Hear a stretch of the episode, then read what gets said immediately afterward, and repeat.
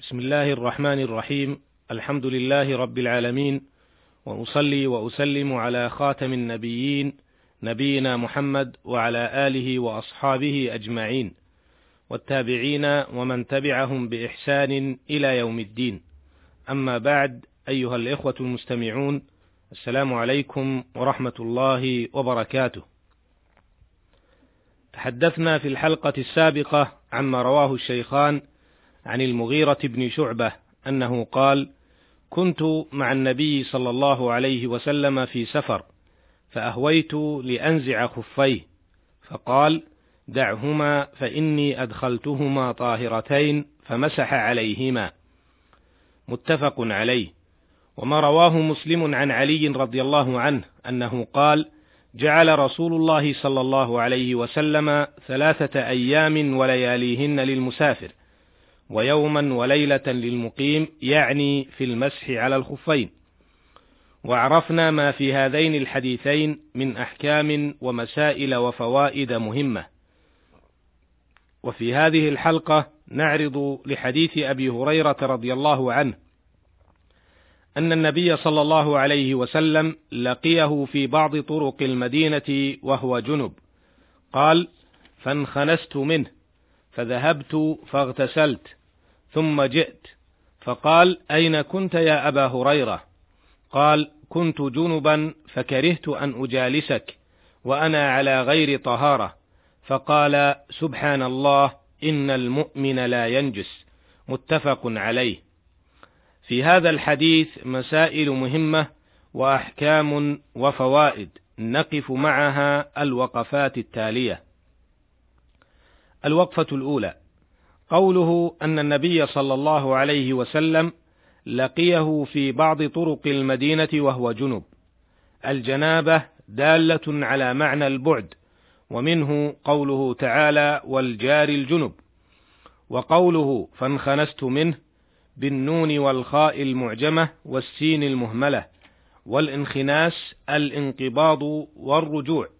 قال القزاز: انخنست منه أي مضيت عنه مستخفيا. وروي أيضا فانبجست منه بالجيم من الانبجاس وهو الاندفاع أي اندفعت عنه. ويؤيد هذا ما جاء في رواية أخرى فانسللت منه.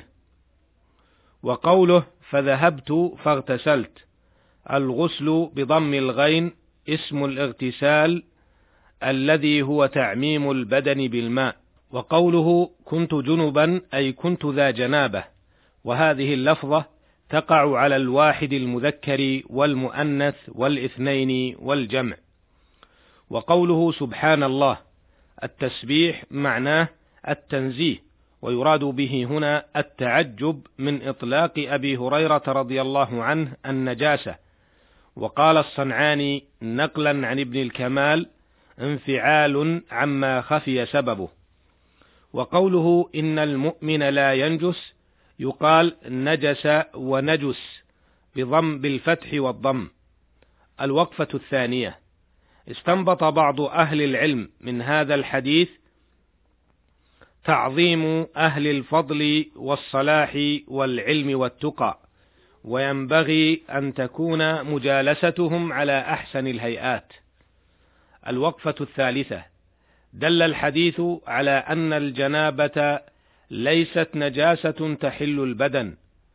قال ابن دقيق العيد رحمه الله والحديث دل بمنطوقه على أن المؤمن لا ينجس فمنهم من خص هذه الفضيلة بالمؤمن والمشهور التعميم.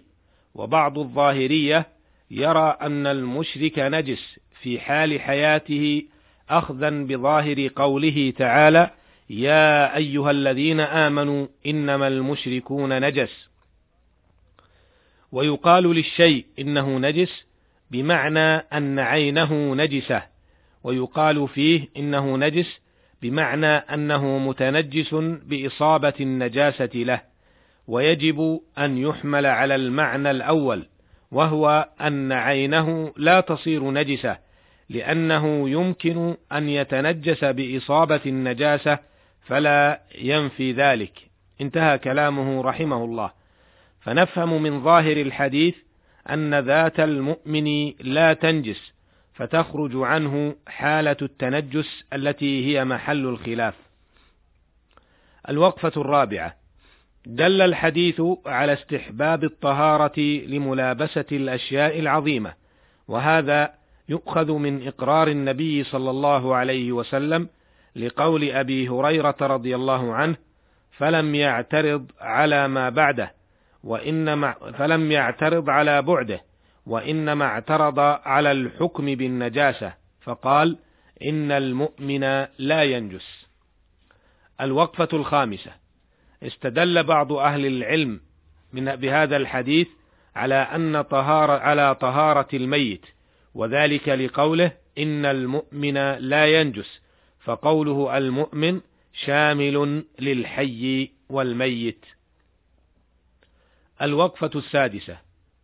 استدل بعض العلماء بهذا الحديث على جواز تأخير الغسل من الجنابة وذلك لكون أبي هريرة رضي الله عنه لم يغتسل حال إصابته الجنابة ولم يعترض على ذلك رسول الله صلى الله عليه وسلم لكنه يستحب للمؤمن أن يغتسل من الجنابة حال حصولها كما سيأتي تفصيله إن شاء الله تعالى. الوقفة السابعة. يؤخذ من الحديث أيضا أنه ينبغي استئذان التابع للمتبوع في الانصراف حيث أنكر النبي صلى الله عليه وسلم على أبي هريرة رضي الله عنه ذهابه من غير علمه ولا شك أن ذلك من حسن الأدب. فإذا أراد شخص أن يفارق آخر فليستأذن منه ويعلمه بذلك. الوقفة الثامنة. يستنبط من هذا الحديث أمر عظيم وهو مشروعية الغسل من الجنابة والغسل لا شك أنه من كمال الطهارة ومن النظافة التي يجب للمؤمن أن يتحلى بها بل هو من الواجبات التي لا تصح العبادة إلا بها. عدا ما في هذا الغسل من الفوائد الصحية وغيرها. فهذا الغسل يعيد للجسد قوته وحيويته التي فقدها أثناء حصول الجنابة. كما ينشط دورة الدم في الجسم فيعود إليه النشاط والقوة ولله الحكمة البالغة كم في هذا الشرع المطهر من أسرار عظيمة وحكم جليلة.